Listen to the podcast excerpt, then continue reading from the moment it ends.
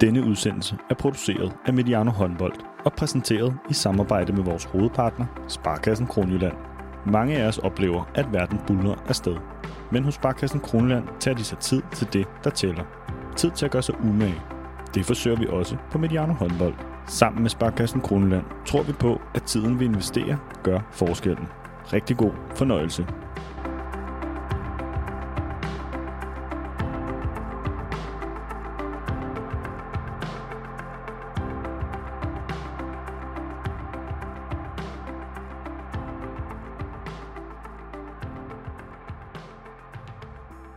Velkommen til Miliano håndbold. Alt imens herrenes VM har stjålet mediebilledet i januar og også kanalen her, ja, så har kvinderne jo knoklet på undervejs. I den danske liga og i de europæiske turneringer. Der er simpelthen ret meget at samle op på på kvindesiden. Der er spillere og trænere, der er skiftet rundt i et kæmpe tempo. Der har været næsten sensationelle overraskelser og store præstationer undervejs. Og nu nærmer vi os så stille den afgørende fase af turneringen, hvor meget skal afgøres. Der er simpelthen rigtig meget at samle op på. Det gør vi i dag med en af vores øh, faste eksperter på Mediano håndbold, Martin Albersen, landstræner i Schweiz. Velkommen. Tusind tak, Thomas. Godt at se dig igen. Det er længe siden, du har været med her på Mediano håndbold. Har du savnet kanalen? Ja, jeg vil sige lige måde. Det har været... Øh, selvfølgelig har der også været mange ting i mit liv omkring skulle ud og lave en masse kurser og være med afsted med, med landshold og så videre, men man savner altid at sidde her med dig. Og du er klar til at tale en lille smule kvindehåndbold igen? Det kan du tro. Fordi der er altså ret meget, vi skal samle op på. Vi kan sige til lytterne, øh, vi har sådan tre hovedpunkter. Det ene er, at vi skal samle op på en masse nyheder. Så vil vi rigtig gerne også lige omkring den danske liga, og så skal vi til sidst også tale om ikke mindst øh, Champions League. Vi gør det her før den, den sidste af, og afgørende øh, runde i, øh, i gruppespillet i Champions League, så der er også noget, vi skal tale om, vi skal samle op på. Men der er virkelig blevet spillet mange kampe, og der har været godt nok været mange nyheder om trænere, spillere, kampe, klubber øh, og så videre. Der er så mange, at vi er nødt til at samle op på dem her, og oven i købet må vi tage dem i nogle, i nogle buketter. Så Martin, nu starter vi lige med at tale om nogle danske landsholdsspillere på kvindesiden. Ja. Øh, og, og, og jeg har sikkert glemt en masse. Nu læser jeg bare op. Anne Mette Hansen skifter efter den sæson fra Gjør til Metz. Trine Østergaard skal fra Bittigheim til øh, Bukuresti. Rikke Iversen til Team Esbjerg frem til sommeren 2026. Andrea Hansen skal til Odense. Helena Elve er kommet tilbage. Anna Christensen er allerede skiftet til Team Esbjerg. Jeg har sagt, hvad har jeg glemt der? Så er der alle dem, som ikke er omkring landsholdet. Så, Ja, der har været et kæmpe skifte, også i den danske liga i, i forhold til, til den kommende sæson. Kan, kan du, kan, jeg sad og tænkte på, øhm, altså der, der er jo nok ikke tal på det her, men det er da bemærkelsesværdigt, så mange skifter der er her, eller hvad?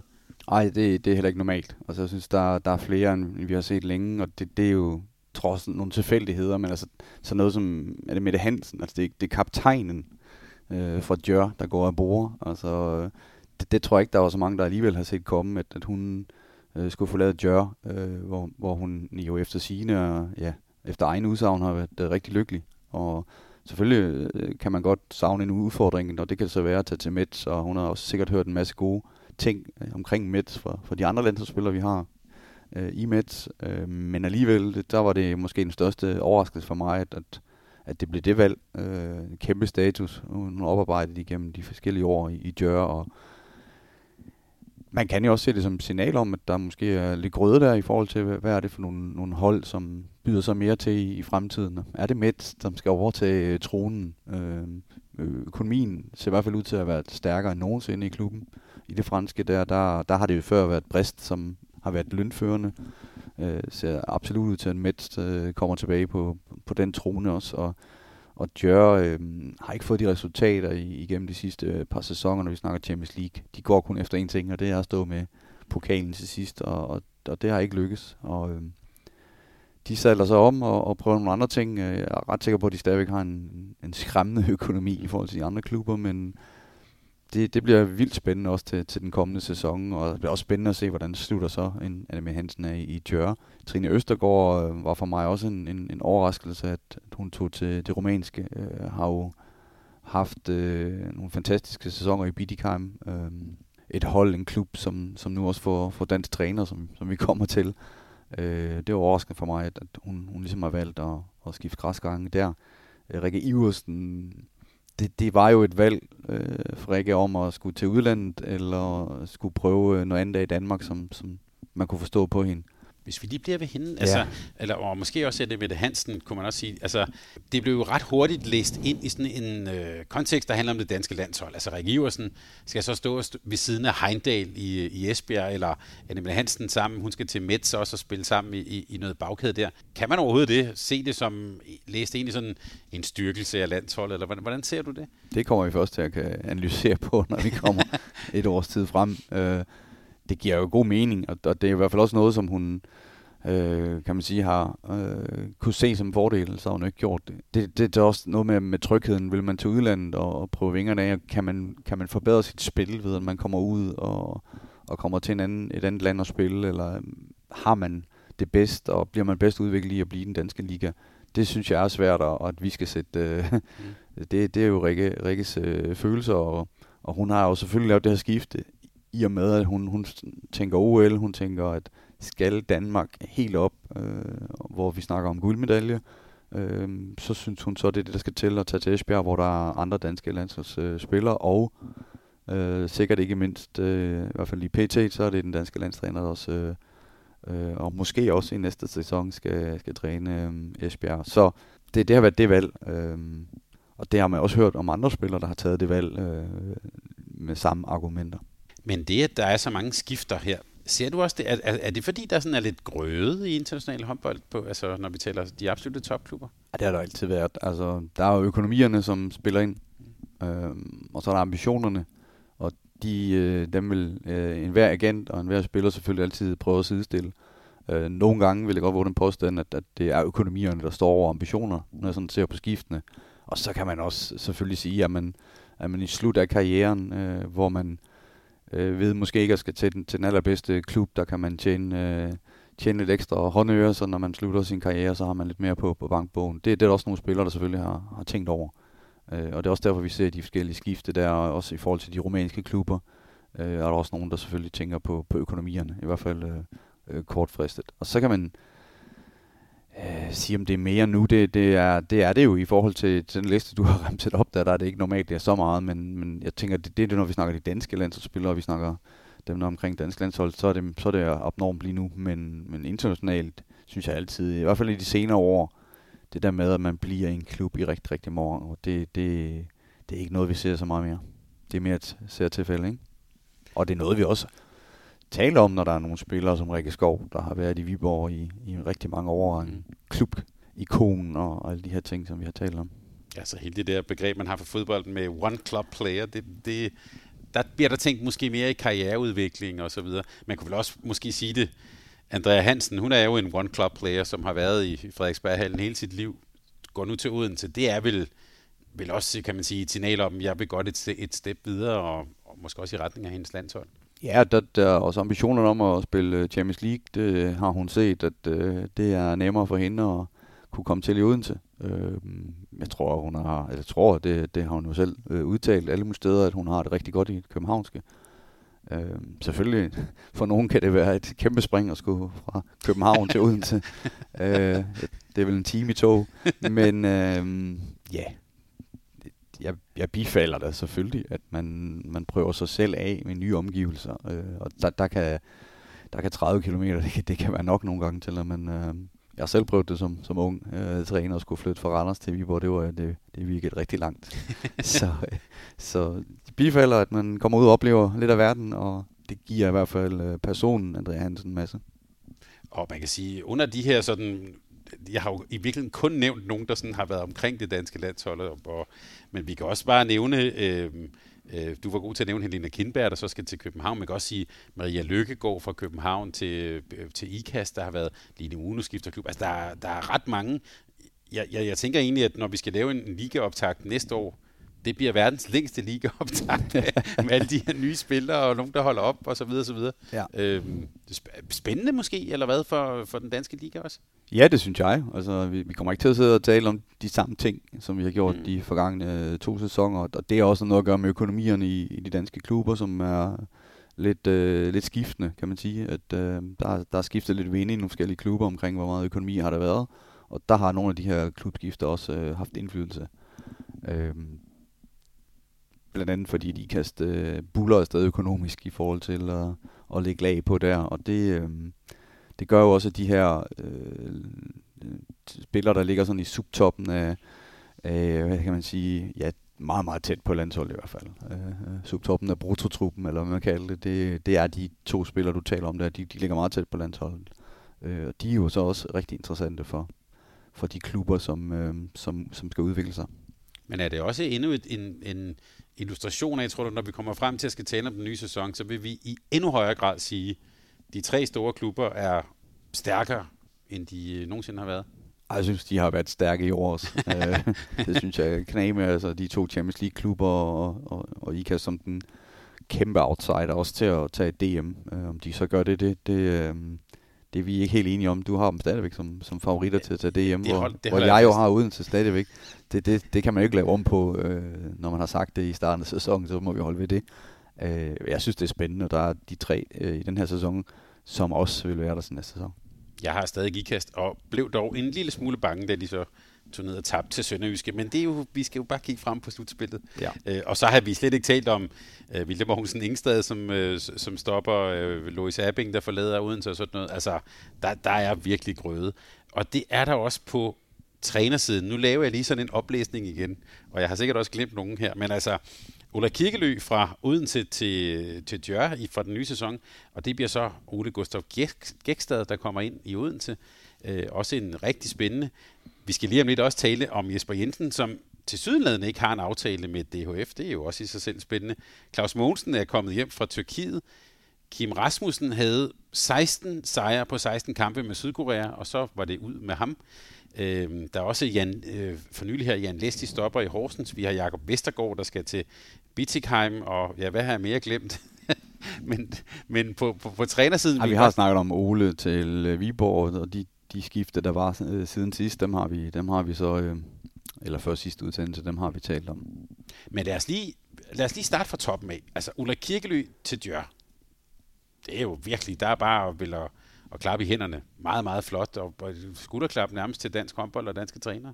Ja, altså, det er topstationen og har været det igennem de sidste 10 år på, på damesiden. Kunne komme til, til Djør som træner.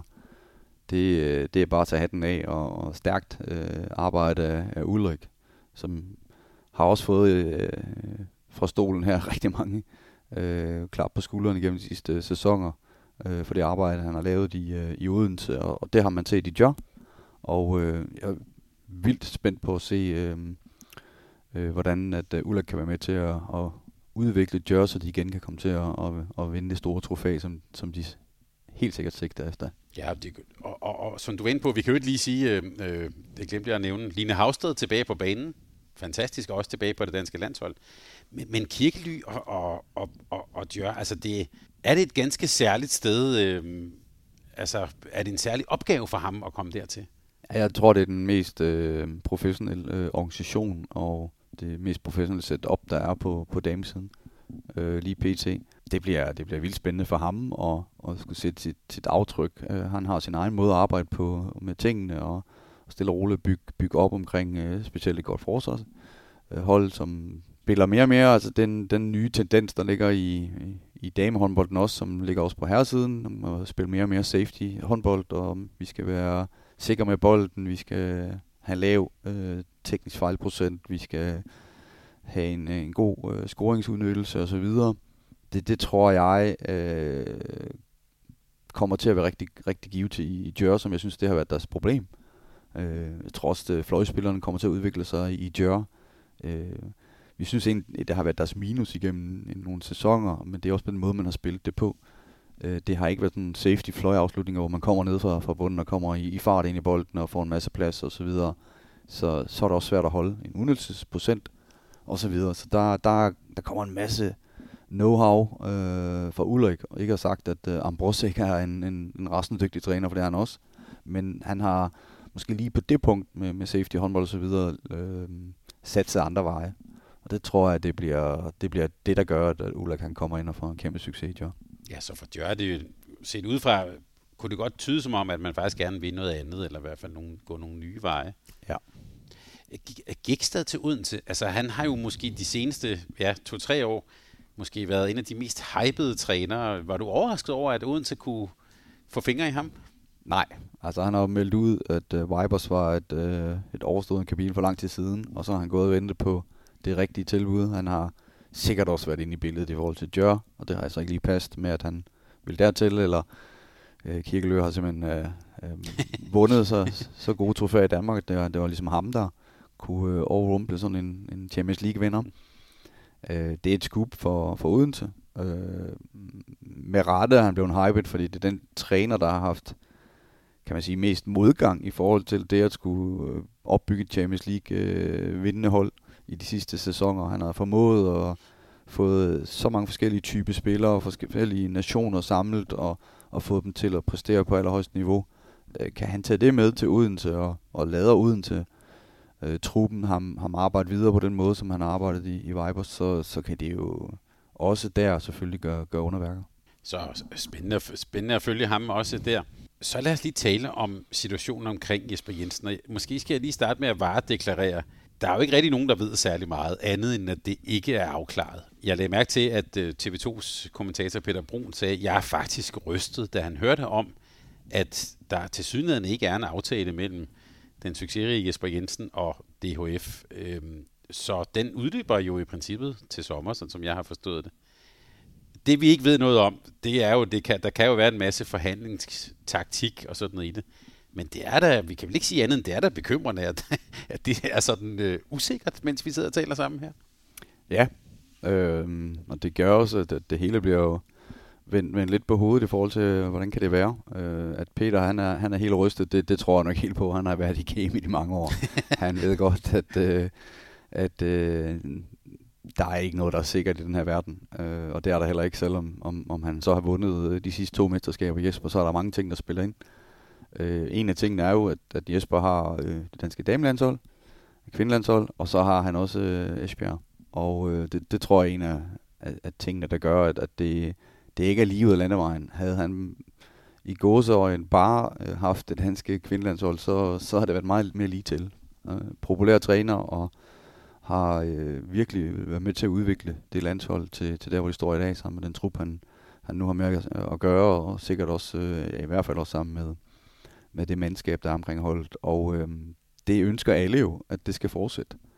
Øh, og der bliver Esbjerg sådan lidt øh, den lille i det spil, fordi at, at vi synes jo, at det danske dame- og kvindelandshold er absolut creme de la creme, og det må være det, som alle træner de, de sigter efter, at øh, det har de lyst til at stå i spidsen for. Og så ydermere, når, når Jesper han har den succes, han har. Øh, så det, det kan jo kun være noget, der ligger derimellem. Det er jo, og Jesper har også selv udtalt, at øh, dansk kvindelandshold har han virkelig lyst til at stå i spidsen for. Øh, men han har sikkert også lyst til at stå i spidsen for, for kvindeholdet i Esbjerg. Så det er der, at, at høden ligger. Øh, og så de, de rammer, der ligger omkring det. Og jeg vil sige, jeg kan også godt forstå øh, Jesper i forhold til det at, at have de to hold, er, er sindssygt belastende. Så det kan jeg selv tale mere om med, på, på lavere niveau, øh, hvordan det er at have et, øh, et Champions League-hold, og så skulle have et landshold ved siden af. Det er rejsemæssigt og mm, familiemæssigt er det en kæmpe belastning.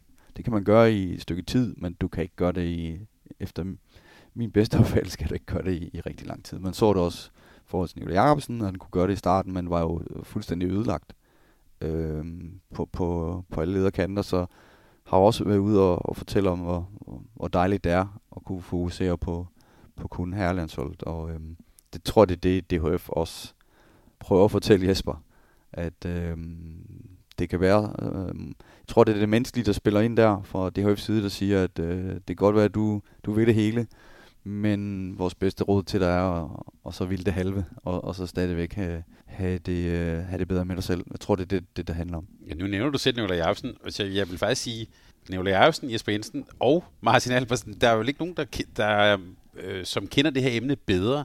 Nu er du landstræner i Schweiz, ja. og du er ikke klubtræner længere. Nej. Hvilke fordele giver det i godsøjne bare at være landstræner? Det giver jo, at øh, du kommer hjem fra en slutrunde, og så kan du få lov at, at være øh, fuldstændig smadret, og, og så sove øh, rusen ud, eller sove, sove det ud, som, som man nu har oplevet i, i den meget, meget, meget koncentrerede periode, der hedder et EM eller et VM, eller hvad der nu ligger, eller et OL. Øh, tænk så, når det også kommer på, og det har jo DHF selvfølgelig også set ud i fremtiden og håber på, at der kommer et OL på os i en sommerferie. Og det er ikke nogen af parterne, der har prøvet det endnu. Øh, det bliver vanvittigt. Øh, jeg har fået spillere hjem fra et OL. Øh, de er fuldstændig smadret. Øh, mentalt specielt. Selvfølgelig også fysisk, men fordi det bygger op til et OL, det, der kan jeg fortælle at der går Team Danmark rigtig i gang mm. med at bygge spillerne op fysisk. Øh, sammen med, med landsholdsledelsen. Og øh, det, det bliver hårdt. Også for, for, for Jesper, når det kommer dertil. Men det er selvfølgelig nemmere bare at have øh, en af delene. Øh, man kan godt i nogle perioder, godt sagtens. Men så sige, når det så begynder at hedde Champions League, rejseaktivitet, øh, så vil jeg så sige, for Jesper er det noget nemmere, fordi så har han i ugen kun de her små øh, smutture, øh, som man i Tyskland vil kalde øh, lokal øh, derbis, hvis man øh, kun skal et par timer væk, øh, max. Øh, der er der altså nogle af de her udenlandske trænere, der, der ligger og cirkulerer rundt på en 8-12 timers øh, kørsel, eller hvad de nu skal, eller flyver, øh, i ugedagen også. Og øh, der bliver det, der bliver det kæmpe. Altså min, jeg havde øh, 250 dage cirka afsted, øh, da jeg var i Bidikam og havde landshold. Det var, det var, det var alt for vildt.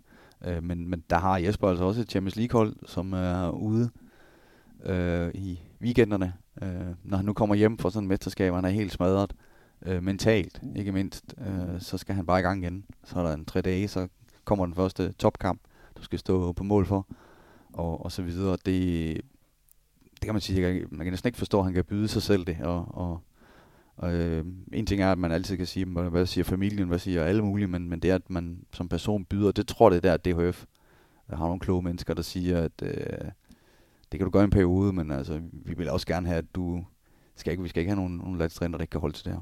Og det der argument med, at man altså, når man har et klubhold, så holder man sig kampskarp. Altså, ja. altså at man er inde, og der øh, har jeg altid synes det var sådan lidt spøjst, da Nicolai Eibsen sagde, jamen jeg træner jo GOX U13-drengen. Ja. Øhm, men ja, man kan jo så bare se til det her VM, det var ikke fordi, han ikke var skarp på kampene. Øhm, der var faktisk sige, nej. måske var han skarp som nogensinde. Ja, nu har jeg også prøvet det der, og det, jeg har prøvet begge dele, og man er altid, man frygter ofte det, som man aldrig har prøvet, og man frygter jo ofte at skulle gøre noget, som andre ikke gør, og alle de her ting. Øh, men det, det har ikke nogen indflydelse på, om, om du har stået i de der Champions League-kampe eller ej, når du står til et mesterskab. Det, det, det, er en helt anden omgivelse, det er nogle helt andre ting, og han er meget helt tryg ved det der landshold. Det, jeg er ikke bange for, om Jesper han er skarp, når han står der, eller Nicolai Jacobsen er skarp, når han står der. Øh, det, det, han har måske mere energi til det, han skal have energi til. Øh, og så tænker jeg også, at han kan også godt få lov at gå og, og lege lidt med noget U14-16 i Esbjerg, hvis, hvis det er det, han, han, hvis man kan holde sig i gang på det. Øh, jeg tager rundt og, og holder en masse trænekurser og, og træner en masse ungdomshold her også i om, området, eller i morgen skal det skive og lave nogle trænerkurser, have nogle 14 eller 115 piger, tror jeg, der er deroppe, øh, som medier, og det, men det er ikke for at holde mig i gang, det er for at give noget, mens jeg nu er i Danmark, og, og jeg tror, det, der er masser at give sig til, hvis, hvis det er det, man vil. Øh, men altså, jeg, jeg siger, at det, det opvejer ikke det, at du er helt smadret som træner, om du så holder dig i gang. Det tror jeg ikke på. Jeg tror, det er langt bedre at have en landstræner, som er frisk. Så vil jeg bare sige som en personlig kommentar. Jeg, jeg tænkte i hvert fald, da jeg mødte Jesper Jensen før, øh, før, før slutrunden her i, øh, i, i november, at han har jo utrolig mange sådan... Øh, øh, holdninger, meninger, ting, han gerne vil arbejde med. Han, der talte han jo om at ændre kulturen i dansk håndbold, ja. øh, øh, som jeg synes var enormt spændende. Men og så tænkte jeg bare bagefter, jamen det har du jo ikke tid til. Nej, øhm, og det er jo brænder ærgerligt, fordi der, der er helt sikkert øh, rigtig mange ting, som der er mange, der kan lære af Jesper, og, og han brænder for nogle ting der, som han ikke kan komme ud med, han ikke har tid til det, og det, det er helt sikkert også noget, han har talt med DHF om. Og, og, og de har måske så sagt, jamen, hvorfor gør du det ikke? Du har ikke tid til det. Nej. Okay, så lad os øh, sørge for det. Fordi at, øh, ligesom vi har set på, på fodboldsiden, en, en træner, som virkelig øh, kunne bidrage til mange ting, øh, øh, til fodboldsamfundet, der er jeg helt sikker på, at Jesper vil kunne komme ud og, og bidrage med rigtig mange ting til, til, til kvindehåndbolden, eller håndbolden generelt. Og Martin, her til sidst med alle de her mange trænere, vi som sagt har sikkert glemt en masse. Øh, bare lige dine din tanker om Kim Rasmussen, altså gjorde Sydkorea til asiatiske mestre, øh, og, men var der kun meget, meget kort. Altså, sådan som jeg har forstået det, så handlede det lidt om sådan en kulturforskel, og Øh, og som jeg også kunne læse mig til, træ, den der sydkoreanske træningskultur med at træne benhårdt tre gange om dagen og sådan noget, som, som, som, øh, som ikke var Kim Rasmussens øh, øh hvad hedder det, øh, opfattelse af, at det var det, de skulle for at præstere øh, øh, på toppen. Det der med at komme ud som dansker i andre kulturer, han har jo prøvet det mange steder, også både langt og kort tid og sådan, øh, og vi har mange danske trænere ude. Det er også det, jeg tænker, han er jo bare en blandt mange. Øh, hvordan ser du hele det der sådan, kultursammenstød? Du har også prøvet det både ja, i Tyskland og Schweiz og så videre. Ja, det, det skal man, og det har, altså, det, jeg oplever heller ikke en Kim, der kommer hjem og, og og er ked af alt muligt. Øh, han har godt vidst, at det, det vil blive en, en hurdle for ham og, og det team, han har slæbt med øh, dertil. Øh, som også har været dansker og har prøvet at, at skulle ændre en kultur, har været svært, ja. Men det har, han også, det har de vidst, øh, inden de tog afsted. Så, så det har været en, en prøvelse af, kunne man gøre det, eller kunne man ikke. Øh, det, det er så ikke lykkedes, og det samme kan man sige om Claus. Altså, Claus er vidst, han skulle ned, og så skulle han, han skulle vinde en masse. Det, øh, helt sikkert. Og prøve, og de, de er også blevet bedre. Det er jo logisk, at det kan man se på resultaterne. Men, men det har ikke været nok øh, alligevel. Og, og det er en helt anden kultur, og det, der er afregning der ved, ved kasse 1, og det har også øh, lært øh, Claus en masse ting, ligesom det har lært Kim en masse ting. Øh, både øh, det, han oplevede øh, i Sydkorea og, og så også i, i Ungarn, og, og, og hvor Kim ellers har været. Han tager selvfølgelig noget med øh, fra hvert sted. Øh, men der er også noget helt sikkert, der, der driver de her trænere som, som Claus og Kim i at tage de der kæmpe udfordringer. Og, og der, der ved man godt, at det er det samme, når der er mange, der altså, siger til mig, at du har haft succes der og der, men du, husk lige, du, du blev også fyret der. Jamen, tænker man nogle gange, hvor man egentlig lært, lært mest. Øh, er det dårligt, eller er det, er det som bare, hvor det, det, det kørte bare derud af. Øh, jeg tror, man, man bliver dannet som menneske i, i de ting, man nu begiver sig ud i, og som jeg sagde til de spillere, der, der, der skal ud og prøve, prøve vingerne af et sted, om det så er 30 km eller hvad det er, det der med nye udfordringer, nye rammer og nye mennesker, og de, de udvikler sig som personer, og Kim kommer, kommer styrket fra, fra det ophold, og det gør Claus også, og ja, vi kan også tage Jan med, som, skal prøve det her med at bygge Horsens op igen. Øh, helt sikkert fået en god økonomi, og, og det er bare svært øh, at få, få mennesker til at arbejde sammen om det samme, og så kan der være skader, der kommer ind i en periode, og der kan være alt mulige forskellige ting, der, der nu øh, gør, at det hele bliver obstrueret lidt. Øh, hvordan takler vi det som træner, og vi lærer hele tiden. Øh, og, og det at blive fyret som træner, det, det kommer til at lære dem alle sammen en masse ting det er en spændende vej at gå ned ad. Det bliver jeg næsten nødt til lige at spørge lidt mere om. Er, er det din erfaring, at du har nærmest lært mere af, af hvad kan man sige, fiaskoen end succesen? Altså, hvor ligger den der læring, eller modning, kunne man måske næsten sige? Det, det tror jeg godt, man kan sige. Altså, ligesom når vi står efter et nederlag og siger, nu har vi virkelig lært en masse. Det, det tror jeg ikke, at nogen træner, der siger bare for sjov øh, trænerne bliver, altså antennerne, de bliver, de bliver mig sat op, og, og man skal finde ud af, hvad, hvad kan vi forbedre, og hvad kan vi, hvad kan sagtens, vi kommer til det senere, vi skal snakke Champions League og Billingham, mm. det der med at sejre sig selv ihjel, øh, det kan man sagtens. Øh, og, og hovmust og forfald, øh, siger vi i Danmark, og det, det er jo en, en konsekvens af det med, at man nogle gange, øh, nogle gange går det bare for godt, kan man sige. Så er der nogle træner, det er jo specielt tyske, som, som vi kender det fra fodbold, øh, de laver jo problemer, fordi det må heller ikke gå for godt, og, og så videre. Så der er masser af ting, der spiller ind i det der med at, at bygge et hold op. Øh, hvor meget, øh, hvor meget kan, kan modgang gavne, og som træner, der er man altså nødt til. Altså, jeg, jeg har talt med rigtig mange trænere, som bliver fyret, som måske har lige brug for 14 dage, hvor at, at de ligger derhjemme i sengen og, og, og, og gardinerne rulle for, og, og der er mørkt, og, og, og de har meget ondt af dem selv, og det, det har vi jo nok, altså mennesker, det er også en, en beskyttelse af os selv, og, og jeg, jeg vil også sige, at specielt da det blev fyret i Viborg, der var, der var æder med down i en længere periode, øh, men alligevel så lærer man noget af det, og, og, og hvad skete der? Øh, hvad var det, der var så uforståeligt? Hvorfor har du ikke set de ting, eller hvad det nu er for noget, man, man går og med som træner, for at det ikke skal ske igen? Øh, og så lærer man på en eller anden måde at være proaktiv og sige, hvordan kan man bruge det hele til, at, at, at din trænergæring bliver, bliver endnu bedre. Og det synes jeg, øh, jeg tror nogle gange, det man går og frygter mest i livet, det er det, man ikke har prøvet. Og øhm, derfor tror jeg også, det der med at blive, prøve at blive fyret, øh, prøve at blive sat af et hold, prøve at blive sat af landsholdet, øh, hvordan takter sådan en person det? Øh, kommer man styrke tilbage, eller man, lærer man, øh, eller tager man udvejen, hvor det hele bare er nemt at sige, nu har jeg ikke lyst til det hele mere?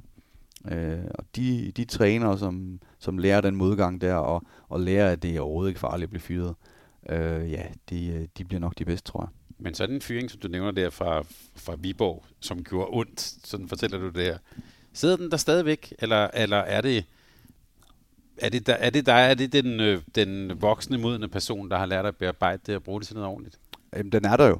Og det er jo det, jeg prøver at fortælle, at, at det, det, jeg har lært af, det er, at den er der altid, og det skal ikke ske på den måde igen i hvert fald. Det, så kan det ske på en anden måde, så lærer vi det. Men, men det skal ikke ske på den måde, og, og lære at takle, det kan være at takle ledelse, eller det kan være at takle, det kan være mange forskellige ting, som en træner skal kunne begære sig på. Øh, nogle gange siger folk jo tit, det har meget med trupperne og så videre at gøre, men det er oftest de her ting, også i, i Kim Rasmus' øh, tilfælde, helt sikkert har noget med ledelsen at gøre, som, som man ikke på den rigtige måde kunne komme ind på, eller kunne, ja, kunne vise sit værd for. Øh, fordi så, så bliver du ikke fyret, øh, selvom hvordan det så går på banen, øh, og andre ting. Og, og der skal man hele tiden vægte det op mod at og, øh, og have et godt forhold til, til de mennesker, du arbejder sammen med, men, men også øh, stå fast i det, som, som du selv tror på, eller så, så går det også galt. Øh, og der kan man sige, det, det, det, det tror jeg, man lærer alt. Altså, det er ligesom de træner, der siger, at man, man, man husker ikke nederlagene. Altså, de der rigtig store nederlag, dem glemmer jeg aldrig. Altså, det der med at tabe med en en Europacup-finale eller andet, det kommer jeg aldrig nogensinde til at glemme. Øh, det, det, det tror jeg ikke, man gør. Eller tabe en kamp i en sæson. Altså, da jeg var Viborg-træner, og vi tabte en kamp til sidst. Den aller sidste, det var sådan den allervigtigste. Det kommer man aldrig. Og det kommer man også til at lære af. Altså, det, det, det har været, i hvert fald min tid efterfølgende, har det været rigtig givet det er sket som hjernen fungerer på den måde. så, så har du vundet alle mulige kampe. Det glemmer hjernen. Men den der, ja, det kan jeg huske. Vi øh, bringer alle de her udsendelser i et samarbejde med vores partner Sparkassen Kroneland, og de er gode at have med sig i en usikker tid med store beslutninger. Er varmeregningen på vej igennem loftet, og har du overvejet, om du skal skifte din varmekilde ud med en billigere? Så tag en snak med din personlige rådgiver i Sparkassen Kronjylland, som kan hjælpe dig med at få det fulde overblik over din økonomi. Find os på sparkron.dk eller i en af vores afdelinger. Vi er tættere på, end du tror.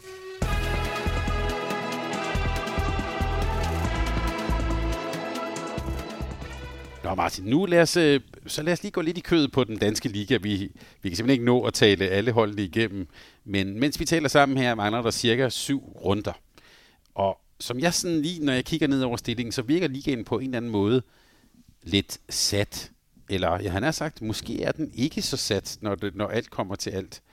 Øh, vi har i hvert fald en gruppe i bunden, kan man sige. Øh, Randers og øh, Skanderborg, måske også Ajax København, ser ud til at være øh, en lille smule sådan isoleret. Randers er jo ude, så, så det bliver det her kvalspil, vi taler om her. Og det, det virker som om, at Sønderjyske Ja, de slog jo IKA, som vi var inde på, og ligesom fik en masse luft, da de fandt ud af, at de ikke kunne rykke direkte ned. Vi talte jo en del om Sønderjyske i vores optakt. Det er kommet nu, det niveau, vi måske troede, de havde. Ja, vi nåede lige at være inde omkring det sidste udsendelse, at nu var Randers øh, gået konkurs, og øh, det gav allerede der en, en hurtig effekt i forhold til Sønderjysk, og de har øh, ligesom reddet videre på den bølge og, og overrasket øh, øh, andre hold. Nu øh, kan vi så ikke undgå at komme ind omkring IKAST, at øh, de, de slår dem.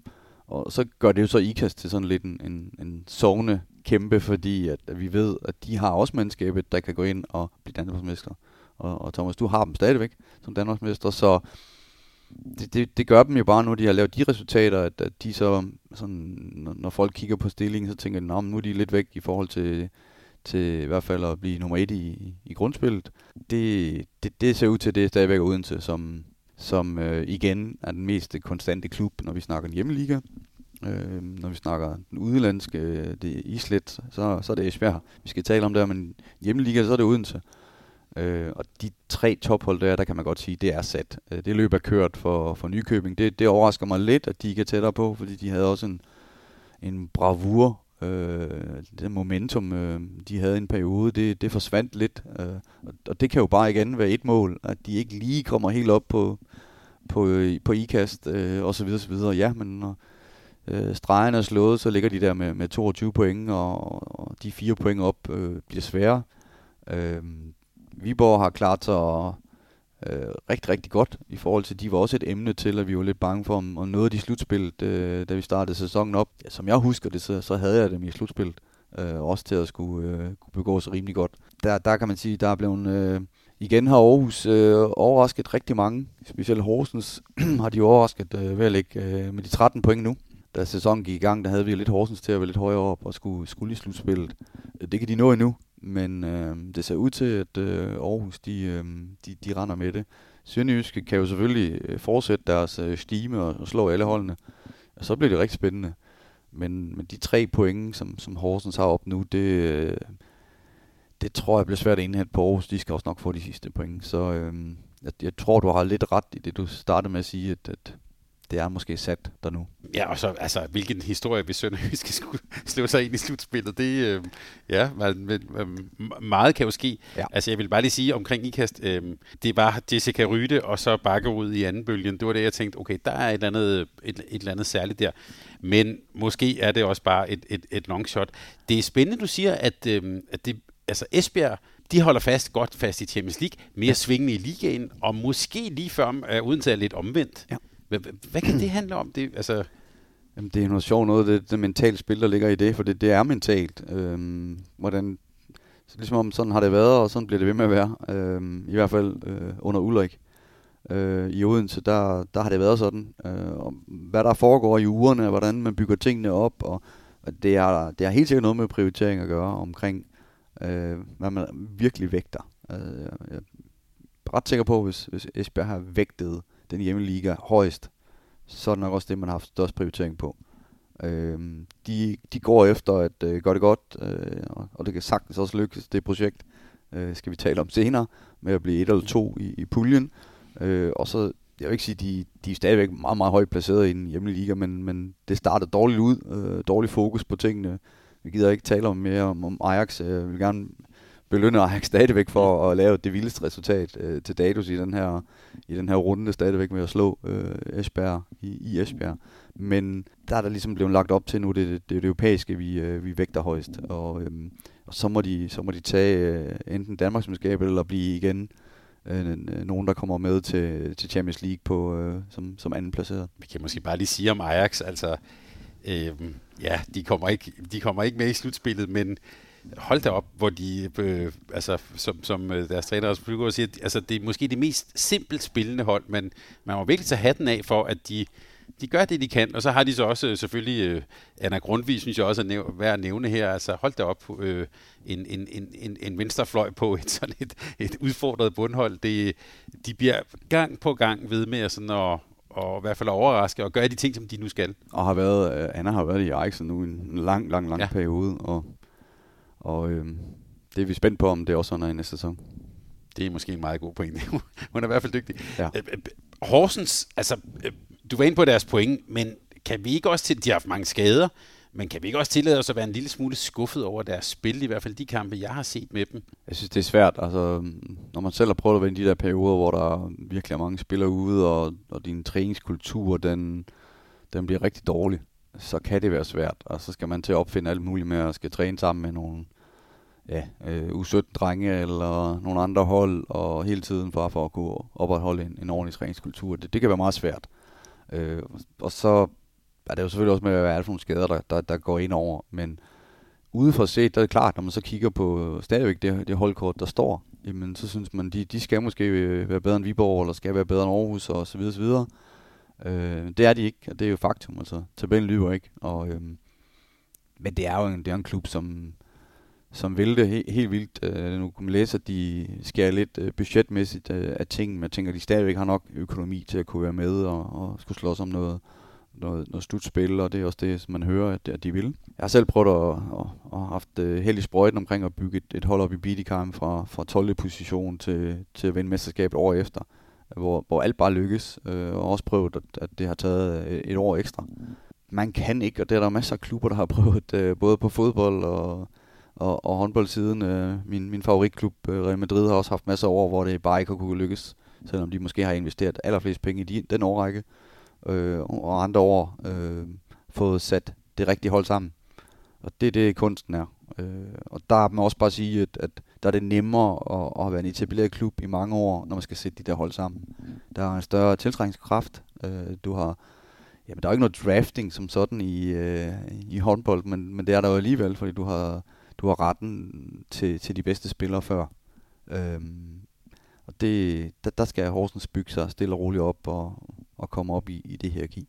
Jeg vil i hvert fald sige, de, de er jo spændende at følge, for du har ret i holdkortet, og nu har de selvfølgelig også haft Nina Darno ude og så videre, men altså, det er nogle, det, det er nogle dygtige spillere, så der er jo, jeg har det også nogle gange, og det har jeg også, når jeg ser på herresiden, så sidder jeg og tænker på, det er sgu da meget godt hold, det der. Ja. Men, men, øh, men de har så bare ikke fået det helt, helt, helt til at spille. Vi kan så sige, mens vi taler sammen her, altså i virkeligheden er de faktisk ikke så langt fra slutspillet. så, så. Men det er jo også øh, det, er jo det du siger. Altså, det, når man ser på de, de enkelte typer, der er på det hold der, så, så kan det jo lige pludselig eksplodere. Og, og det gør det jo også i nogle kampe. Det, er jo- de har jo 10 point. Det har de jo Mm. fået skrabt sammen på, på en god måde. Det, det kan godt ske. Øh, men når man så kigger på Aarhus, som, som du også selv siger, Thomas, så harmonerer det. Der er mere flow, der er mere, der er mere bold i den, i den del af spillet, der hedder special angrebsspillet øh, ved dem. Øh, der, skal, der skal Horsens kæmpe noget mere for, for at lave de mål, de skal lave. Og være, så er der en spiller, der lige propper op i en kamp og laver en masse mål, og den næste kamp, så ser man hende ikke, og så videre. Det, det er lidt, lidt det, man ser for Aarhus, hvor det er lidt mere konstant for, for Aarhus. En klub, som jeg synes har været skæg at følge, har været København håndbold. Altså, ny træner, ny træner du, Rasmus Overby, otte nye spillere, og de har været altså, måske det mest stabile hold. De, alle de kampe, hvor de møder nogen, der er under dem, dem vinder de, og så også over Nykøbing. Og når de så møder de uh, The Big Three, hvis vi skal kalde dem det, så får de sådan en røvfuld. Der de, ja. øhm, eller dem har de været virkelig, altså der, der har vi været stor klasseforskel øh, Ja. ja. i de kampe. Altså man kan sige, meget stabilt, og det er jo... Men hvad er det, de har gang i der i København? Jamen, altså, der, der, for det første var det, altså, hvor Stine Jørgensen hjem, det var en guldsejning for dem. Ja. Øh, Ikke at jeg siger, at de vinder guld, men... Og men Katarina Filter, jeg tænker jeg også er fandme godt set, ikke? Det, øh, den, de tilførelser, øh, nu snakker vi ikke men vi, vi snakker om tilførelser, Mm. og, og, og hvem, hvem scouter, der er scoutet rigtig godt der. Øh, og så er Rasmus det perfekte match til, til den gruppe, der er spillere lige nu. Øh, det kan godt være, at de ikke kan slå de bedste, men de har et fundament, der gør, at, at de ligger der, hvor de ligger, placeret med 20 point. Øh, det, det havde vi ikke regnet med. Jeg regnede med dem til slutspil, men, men jeg har ikke regnet med, at, at vi skulle se dem på den måde øh, være så stabile. Øh, det, det, er, det er godt, øh, det er godt match, øh, og jeg synes, at øh, det er spændende at følge dem også i, i, i næste sæson, hvor at, selvfølgelig lægger man nogle lag på det, at man har stadigvæk en stigende, man har stadigvæk øh, de her typer, som, som er hurtigt på fødderne i, i nogle dele af spillet, og sådan en filter bliver ikke yngre, hun får bare mere og mere øh, rutine. Jeg har set hende i nogle kampe, blandt andet øh, øh, Tysklands sidste træningskamp der mod Rumænien, øh, en turnering, altså hvor de hvor hun står jo, altså, det var verdensklasse. Så hun, hun har stadigvæk noget, som vi ikke har set endnu i den danske liga på, på allerhøjeste niveau, som, som kan komme nu her og til næste sæson. Tror du, København har... Er der potentiale? Fordi det, det jeg også sådan sigter lidt efter, det er, altså, i et slutspil kan de gå ind og drille nogen, øh, overraske nogen, fordi de har jo netop været meget stabile. altså, altså, de har ikke rigtig været, det jeg har set der, de har ikke rigtig været i nærheden af, når de møder. Og IKAST har de haft en, øh, men, men, men særligt mod Odense og så videre, der har de, der har de virket næsten helt chanceløse. Kan de bygge noget på til slutspillet, tror du? Ja, vi har jo ikke set det der fænomen, som der har været nogen sæsoner. Der der lidt stadigvæk i Nykøbing. Vi har også set det i en ejerskamp, hvor man tænker, det kan jo ikke være rigtigt. Men, men det der med, at de her jyske hold skal køre de der tre timer i en bus, eller hvad de skal op på for at kunne spille en håndboldkamp, det kan være rigtig farligt. Til Vesterfængsel? Øh, ja, men øh, det, det er jo vanvittigt at tænke på, men det er jo, det er jo der, vi er. At øh, de frygter lidt at skulle, skulle på den her lange bustur og skulle over i det københavnske, eller som vi nu ser her, at øh, øh, ned til Nykøbing, og at det kan være meget farligt for mange hold. Øh, Viborg har jo vel ikke øh, haft en rigtig god oplevelse i den her sæson, i hvert fald med Nykøbing. Øh, med den her lange tur. Øh, hjemme har det set lidt anderledes ud. Øh, det har vi ikke set, om, om det kan gøre sig gældende, når vi snakker de her fald, øh, eller øh, vind eller forsvind kamp, der kan komme til allersidst, øh, måske. Og Viborg, nu nævner du dem, dem synes jeg også bare lige, vi skal sætte ord på her til sidst. Slog jo lige København i øvrigt. Har vel egentlig gjort det meget godt, eller hvad? Altså, øhm, nu vi talte ind om, at nu mistede de de her profiler, og der har været hele den der økonomiske øh, uro, og de har mistet Anna Christensen, og så videre, så videre, så videre. Så er der så kommet et par stykker fra Randers til, og øh, altså på mange måder relativt kaotisk, men de ligger altså på, en, lige mens vi tæller sammen her, en ganske fin 6. plads. Ja, og spillet øh, faktisk meget stabilt efter, at der var den uro, mm. øh, den omtalte uro. Øh, og har, de har mistet nogle spillere, ja, og de har øh, solgt nogle spillere.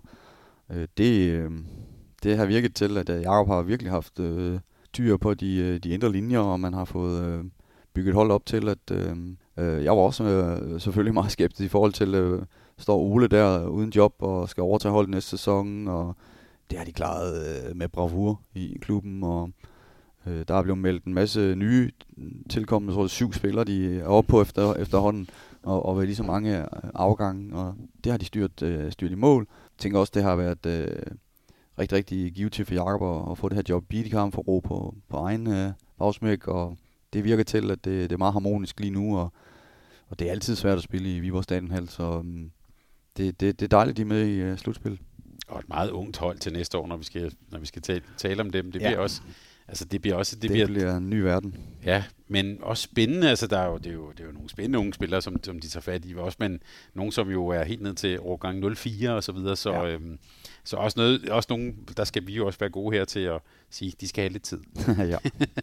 Godt. Så vi har altså en dansk liga, som er på mange måder er sat, og så måske ikke helt sat alligevel. Men øhm, vi kan i hvert fald også roligt slå fast, at vi har øh, The Big Three øh, oppe op i toppen og her på kanalen har vi hver vores øh, favorit. Det får vi at se.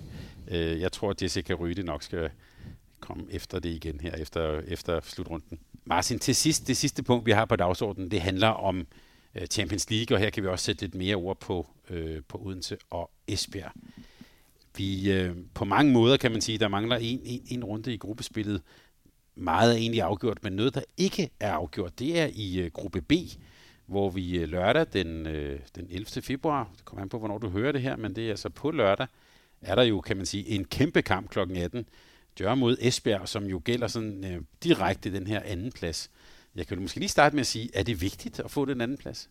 Ja, det er mega vigtigt i forhold til det næste forløb. Øh, hvor mange kampe har du, apropos vores øh, øh, vores snak omkring det her med, med, med hvor meget Jesper kom på overarbejde der, der, der ser jeg da gerne, at han ikke øh, skal have så mange kampe. Han går direkte i kvartfinalen. Og øh, det bliver vigtigt, øh, også psykologisk. Øh, og jeg synes, at Esbjerg har hold, der kan gå til Jør, som jeg ser Jør lige nu spille. Øh, synes jeg faktisk, at det, det virker... Øh, Jør har jo også en hjemmeliga, hvor de med FTC og så videre øh, øh, kæmper om tingene. Og øh, der kan man sige, at Esbjerg, de, de har ligesom valgt, at det, det er europæisk, vi, vi har lige nu som første prioritet, og det, det tror jeg faktisk på øh, kan gøre, at de, øh, de får så meget fokus på den kamp, at de, de er også bedst, når det gælder, synes jeg, øh, internationalt. Esbjerg, vi så det sidste år i Rostov Don, og jeg synes, der har været mange pragt øh, præstationer. Så tror jeg, at det, den største... Øh, den største signing, der er lavet i den her sæson, og klogeste signing, og, og også været været noget forundret over, at der ikke er sket noget før, det er, at, at, Anna er kommet til. Øh, det har manglet for den klub, at man sådan rigtig skulle tro på, på defensiven, fordi det har været for ustabil i, i, i målet.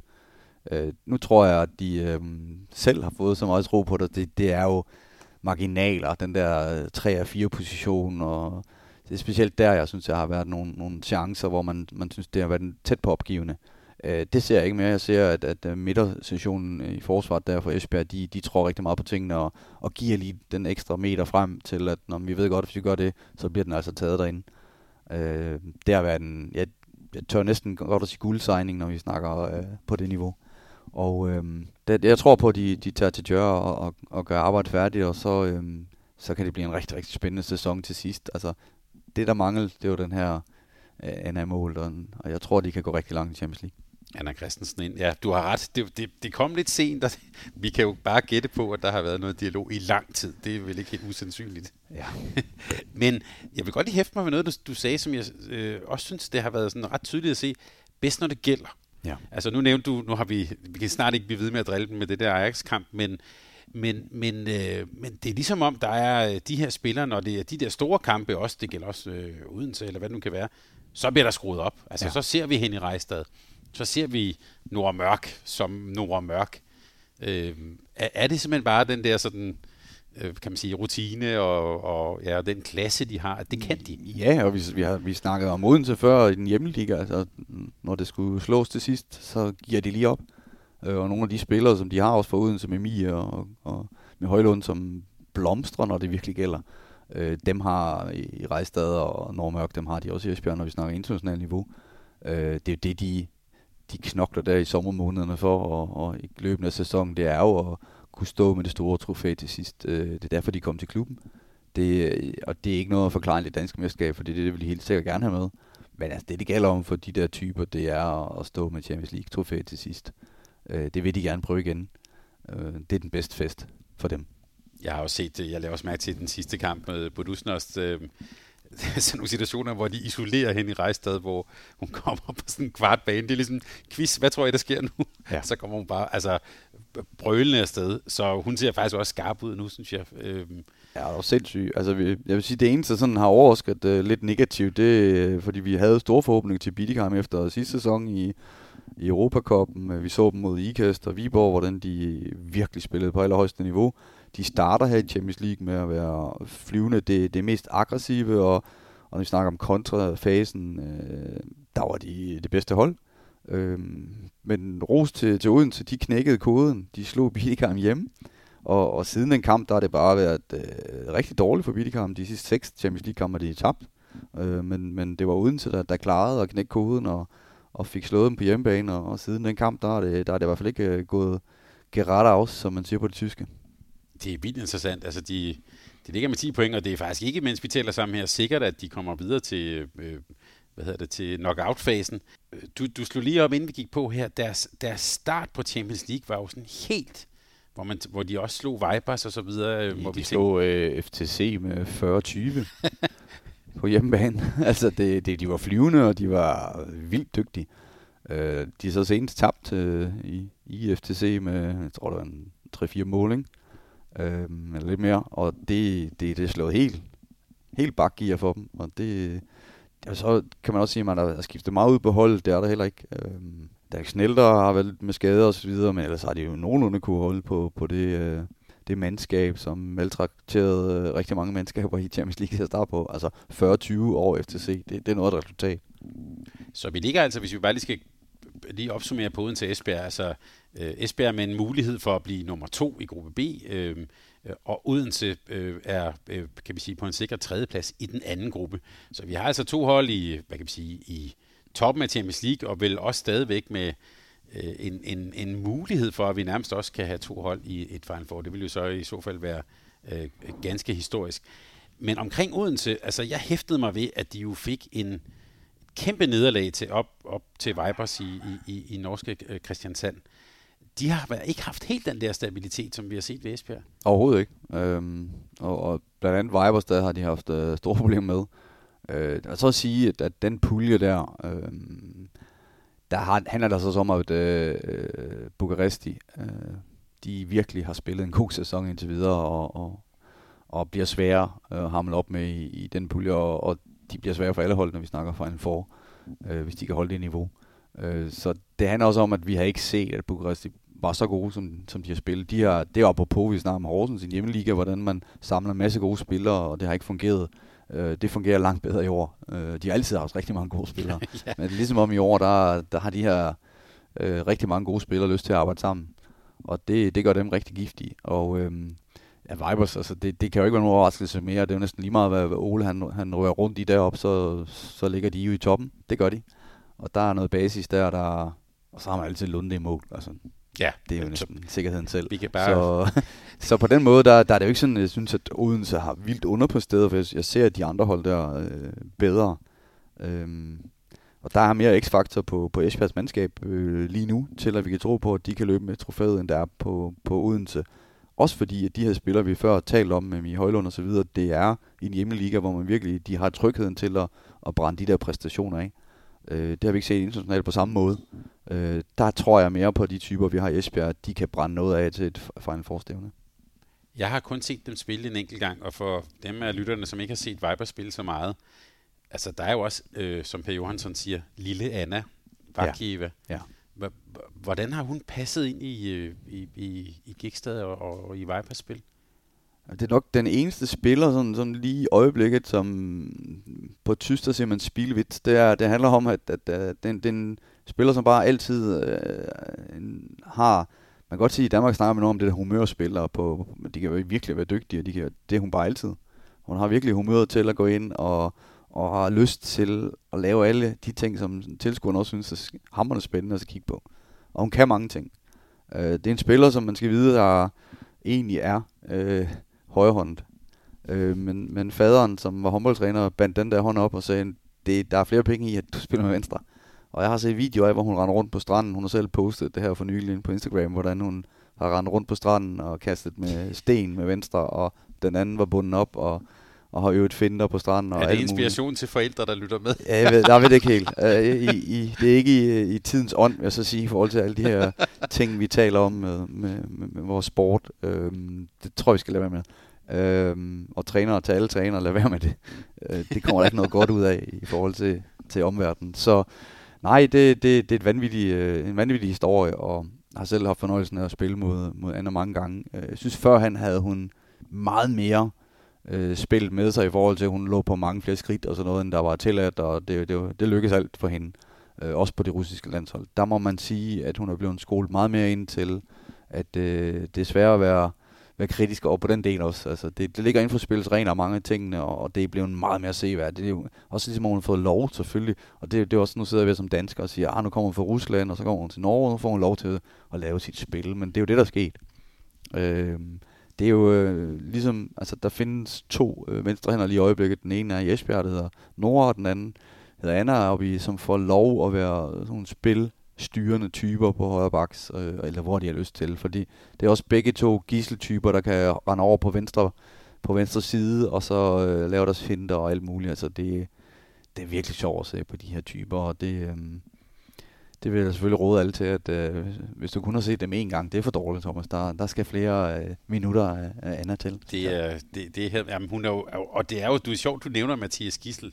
Altså, det er jo svært ikke at se det som en ja. eller anden form for tendens, eller hvad man skal sige. Altså, de der, øh, du sagde spilvits, men altså, ja. øh, for det samme er også med Gissel. Han er jo også altid i godt spilhumør. Ja. Altså, og man kan jo se på ham, han kan lide at spille håndbold. Ja. Og, og også bare tænke på alle de, øh, altså i Vakivas tilfælde, så er det så helt ned på, hvad for en arm hun skal kaste med. Ja. I Gissels tilfælde, det er også, hvor mange gange han har fået at vide, du er for lille, du bliver ikke til noget, og så videre. Der er også et eller andet sådan noget... De vævre typer, der, der overtager øh, håndboldbanerne lige nu, ja.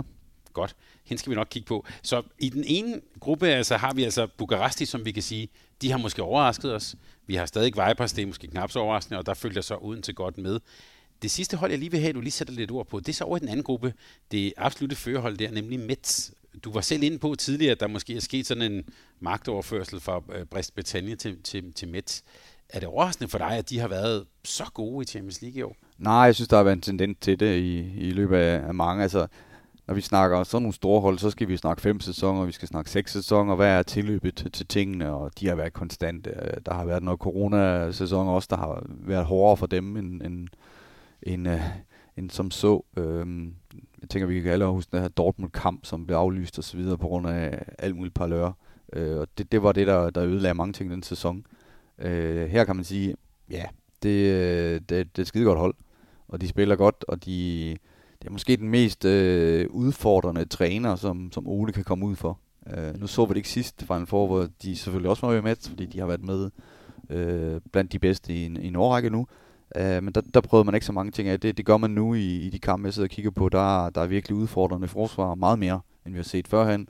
Før var det mere sådan nogle, man kunne næsten sætte minutter på, om nu, nu går de frem til sidst og så videre. Det kan man ikke mere.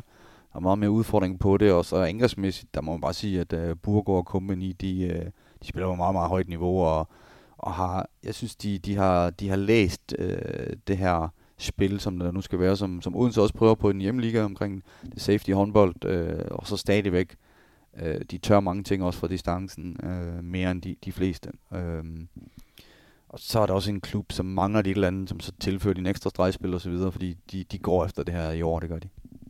Spændende. Hvis jeg nu skal jeg lægge dig op på hukkeblokken, han har sagt, hvad, hvilke fire hold ser du i, en, i et Final Four? Jamen, øh, det ville være en kæmpe overraskelse, kan man sige, for mange, men, men, men jeg tør godt at, at, at sige, at det bliver Mets og Esbjerg og Bukaresti, og, og så bliver det Vibers. Og øh, den overraskelse ligger i det, og det, det, det er måske ikke lade gørligt, for der ligger også nogle, noget politikker i det, i forhold til, øh, man vil også gerne have Jør med øh, i, mm. i et stævne i, i Bukarest, eller undskyld, i Budapest. Ja, og, det, det er sikkert en den, den, er, for. den er svær. Den er svær at komme igennem, men, men kigger vi på spillet lige nu, så er det sådan, jeg ser det. Uh, og så ved jeg godt, der ligger en masse ting uh, og råder med, at man vil gerne prøve at se, om vi kan få Jørgen med. Så, um, så lad os se, hvad der sker der. Vi kan se lytterne. Jeg, jeg går, uh, nu bliver det sådan en åben redaktionsmøde. Hele den her uh, matchfixing ting og sådan noget... Uh, Øh, man hører jo altid så mange historier om international håndbold Jamen, og sådan noget. Tom, jeg har oplevet så mange ting, som jeg, jeg kan ikke være overrasket over noget længere. Men, men jamen, så nu kan vi godt lige, vi kan bare tage lytterne med. i- Det er sådan, nu bliver det åbent redaktionsmøde. Det er jo altid sådan noget, man har hørt, og, og, og sådan, øhm, så jeg har, jeg har faktisk lidt vanskeligt ved, hvordan vi skal håndtere det. Ja. Altså, øh, hvordan Ja. vi skal tale om det. Ja. Øhm, jeg kan også sige, at jeg har fået flere beskeder fra danske ligatrænere og så videre, som også, øhm, og, og der var også den gang og sådan noget, men jamen, jamen, så kan jeg spørge dig, hvordan synes du, vi skal håndtere det? Jamen, altså, der skal noget... Øh, det, der, skal, der skal kigges på det. Altså, vi kan ikke have nogle, nogle organisationer som EHF og IHF, som fejrer det ind under guldtæppet og siger, at det, de rapporter, hvad ved de eksisterer ikke. Der er man nødt til at gøre noget ved tingene. Og jeg tror da ikke, der er nogen... Generelt, der er ikke nogen dommer, der, vil, der synes, det er fedt at være dommer, hvis man ved, at, at der er nogle brødende kar. Det er ligesom, hvis det var på trænersiden, ville jeg da være rigtig ked af, at der er nogle af mine kolleger, der, der befandt sig i sådan et miljø. Øhm, så det skal der skal gøres noget ved. Og spillerne lige så. Så, så alle de der brødende kar, de skal væk fra vores sport. Øh, om det bliver nogensinde helt 100% øh, rent, for det er jo i samfundet, altså de her problematikker. Øh, man skal i hvert fald have gjort noget for det, og det gør vi også i samfundet generelt. Der får vi gjort noget ved det. Øh, altså, så skal vi ikke bare henvise til nogle østriske øh, politimyndigheder, eller hvad vi ejer. Altså, det, det er et fælles ansvar, det her, øh, for at få, få, få en ren sport. Og i øvrigt øh, behøver et øh, ros til, øh, til TV2 Sport. Jeg synes også, det er et problem som, som, altså, som tilskuer. Nu har man også den her nye viden. Jeg kan bare sige, at her i, i forrige weekend så jeg et klip fra f- første division herre. Det var øh, FIF, der, øh, der spillede mod Tønder. Og FIF har jo spillet utrolig mange kampe uafgjort. Ja. Øhm, og så er der til sidst i kampen, er der sådan et, en situation, hvor jeg tror, de fleste mennesker vil sige et klart straffekast, som de, hvor dommerne så dømmer angrebsfejl. Og det kan man sige, det er bare en fejl. Det sker. Ja. Men nu har man det der i hovedet, og det er uafgjort, og et hold, der spiller meget uafgjort, så, så sidder man og tænker på, hvem undersøger lige, hvor mange penge, der er blevet spillet på uafgjort i en eller anden første divisionskamp. Og bare det, man får tanken, er jo virkelig irriterende. og virkelig, virkelig dårligt for vores sport. Så få ryddet op, øh, der hvor man kan få ryddet op, og DHF ansvar, det er EHF ansvar, det er alle forbundets ansvar, og, og, øhm, og til dem, der oplever ting, få det frem i lyset. Øh, selvom man jo også i, i vores verden har hørt det i 100 år, at, at det tør man ikke, fordi at, at det, det foregår på, på øverste niveau. Øh, det hjælper ikke noget. Vi skal, vi skal rydde op i det her. Ja, fordi nogle af de kampe, der blev nævnt, det er jo faktisk også landskampe. Og sådan, altså, Det, og det, det er folk, som, som altså vi snakker om dommer her, som, som er blandt de aller, allerbedste, og, og, og familiemedlemmer, der sidder og skal være guidende på sidelinjen osv. osv. Det er, det er noget grimt noget, det skal ryddes op i. Og, og, og der, hvor jeg så synes, det som sagt er lidt svært, det er også nogle af de kampeksempler, som TV2 lagde op. Der er sådan en, en angrebsfejl på Andreas Nilsson øh, stykket der. Og det er sådan, men jeg sidder og tænker på, ja, det ser mærkeligt ud, men ja, måske er det bare det, hvis man er så dygtig en dommer, så kan man jo... Altså, det er verdens nemmeste sport, synes jeg, at, at skulle lave en, nogle 50-50 vurderinger til. Ja, ja. Ja, det kan du altid. Altså i håndbold kan du... Så vi står jo alle trænere står og dømmer i, i træningerne. Og du vil altid kunne se det fra forskellige vinkler, og det er ikke svært at argumentere øh, for dit valg i en, i en håndboldkamp. Øh, og så kan de sige, at de ikke så den overtrådte, de kan sige alt muligt. Øh, så det er... Ej, lad os få... Øh, og, og det der tredommersystem, som man prøver af øh, nu internationalt, det kan så være, det, en- det er en vej, øh, eller en overdommer, eller nu kommer der også, øh, at du kan få, øh, få lov til at se situationen igen, måske som, som træner, og øh, så kan man diskutere, om det er nok med en situation per halvleg, eller hvad man kan få lov til. Det, det må vi se. Øh, så længe der er gode intentioner om at, at få løst op i det her, øh, det synes det, det virker det ikke til, når vi snakker, det er måske også på grund af, at vi snakker i en VM-slutrunde, øh, der kan det være svært at, få løsnet op i alle mulige ting. Øh, det er måske det, der var. Øh, jeg håber, at TV2 følger op på tingene nu, og, og så går, går hårdt til bidet ved, ved de her, og stålet specielt ved de her forbund, som, som, som har noget, de skal have rådet op i. Godt, for vi vil gerne have glæden ved sporten øh, tilbage. Vi kan godt acceptere dommerfejl, men, men det der med, at man har den der s- siddende i baghovedet, det, det ødelægger jo sporten simpelthen. 100 procent. Bare lige til sidst, Martin. Hvordan har du, jeg kunne sådan bemærke hun under herrenes VM og sådan noget, øh, på sociale medier, der kører sådan noget med skridt i håndbold. øh, Jamen, det, det ved jeg også, Thomas, fordi jeg har, jeg har også sådan en, en Instagram-account øh, kørende med, med træningsøvelser og så videre. Det, det, det, det er der jo, altså. Det er så svært med de men skridt. skriver folk også, at dine spillere laver skridt ja, der, ja, eller hvad? det skriver de hele tiden. Og, og det, det kan godt være. Øhm, det bliver ikke dømt. Øh, vi prøver at spille og træne efter de, de regler, der nu engang er. Og, øh, gamle dage var der noget, der hedder 0. skridt, og der, altså, der, der er dybt uenighed. Det kan godt være, at vi, vi, vi er der nu, hvor at der skal nogle dommer øh, skal, skal sidde lidt og, og, og snakke lidt mere om reglerne øh, til runderne osv., for at alle kan følge med, fordi at man skal også vide, at det er jo ikke sådan, en dommer på banen står og tæller skridt. Det, det er jo bevægelser, som de har set mm. mange gange, som de kan dømme på. De kan jo ikke stå og nå at sige, der var tre, der var fire, der var jo, fem kan man måske godt øh, analysere sig frem til. Det kan man måske ikke lige nå på den længde og så videre. Men, men ellers er det jo fordi, de har set en træskridtsfinte, en stopfinte og en rullefinte, og hvad ved jeg, 100 gange øh, i kamp og til træning. De træner også øh, set video, og hvad ved jeg. Så, så nogle gange har det også noget at gøre med, at spillere laver en, en bevægelse, som dommerne aldrig har set før, og så skal de så tage et valg. Øh, er det A eller B? Øh, er der skridt, eller er der ikke? Øh, det, det, det lidt den kommer af, synes jeg nogle gange. Øh, for de gængse finder bliver jo trænet igen og igen og igen, og jeg vil våge den påstand, at øh, det, det kan her for Danmark også følge med i. Jeg har øh, på her på kanalen haft nogle dommer med. Hver gang jeg har talt med en dommer, har jeg altid spurgt, lavede narcis-skridt på hans berømte øh, øh, øh, øh finte. Og det, øh, det svarer de ikke på. Nej, og Gro, Gro Hammerseng, når hun spillede i den danske liga, var altid på fire skridt, når man så video. Men bevægelsen var ens, og det vil sige, det blev aldrig dømt, øh, og så videre. Og sådan, sådan er der, og det, nu snakker jeg om Anna før, altså jeg har der siddet ærmer over nogle gange, hun var på fem, og så så det naturligt ud, og det kunne hun. Øh, nogen så tillært sig, at det kan gøres på tre alligevel. Så det skulle hun så gøre fra starten, så skulle jeg ikke have ærget mig så meget. Men, men det er jo det, det handler om. At det er, at, at spillerne bliver jo også kendt af dommerne, og ja, tør de dømme skridt på noget, som de har set nu i, jeg ved ikke hvor mange sæsoner, øh, skal de så til at dømme skridt, så skal de nok lige tale med manden først, eller med pigen først om, at nu kommer der en skridtkendelse.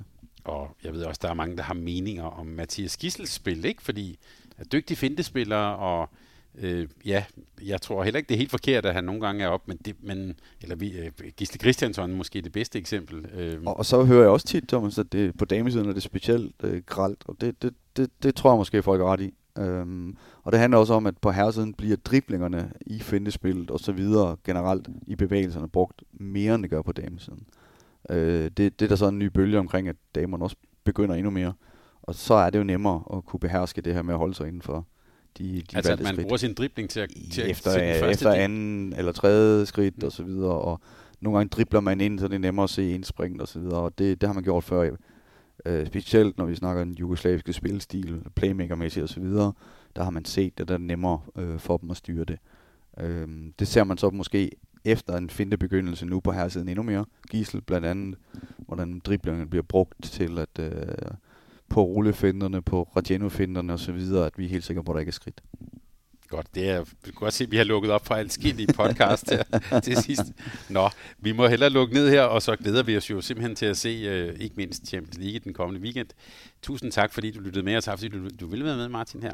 Selv den tak. opmærksomme lytter vil måske have bemærket, at Kasper Andersen ikke var med os i dag. Han er i karantæne efter et voldsomt skifte til Ajax København. Nej, han er ikke i karantæne. Men bare lige kort, nu har vi talt om skifter. Kasper Andersen til Ajax København, hvordan skal vi vurdere det skifte? Det er vel noget med at vende hjem igen, øh, set fra Kaspers side, og, og har jo før været øh, engageret i københavnske. Har været så på øh, Skanderborg-delen de sidste år, og gjort det rasende godt der, og nu vender hjem og skal, skal bygge øh, ting op i Ajax, og det, det er meget, meget spændt på at følge det projekt. Godt, og så må vi så diskutere, om det skader hans øh, troværdighed her voldsomt. Han har jo også været i Skanderborg, så, øh, så, så har vi andre så sagt noget om dem, så må vi andre så sige noget om, om Ajax København. Vi glæder os til at have ham med igen. Tak til dig, Martin. Selv og tak. tak til Sparkassen Kroneland. Vi glæder os til at vende tilbage med endnu mere nyt på kvindesiden. Tak fordi du lyttede til en podcast fra Mediano Håndbold. Hvis du kunne lide udsendelsen, så husk at abonnere på Mediano Håndbold, der hvor du hører din podcast så får du den seneste udsendelse serveret direkte til dig. Du må gerne fortælle dine venner om os, og husk at følge os på Facebook, Twitter og Instagram. Mediano håndbold kan lade sig gøre på grund af Sparkassen Kronjylland. De er med Mediano håndbold og det kvindelige danske landshold. Tak fordi du lyttede med.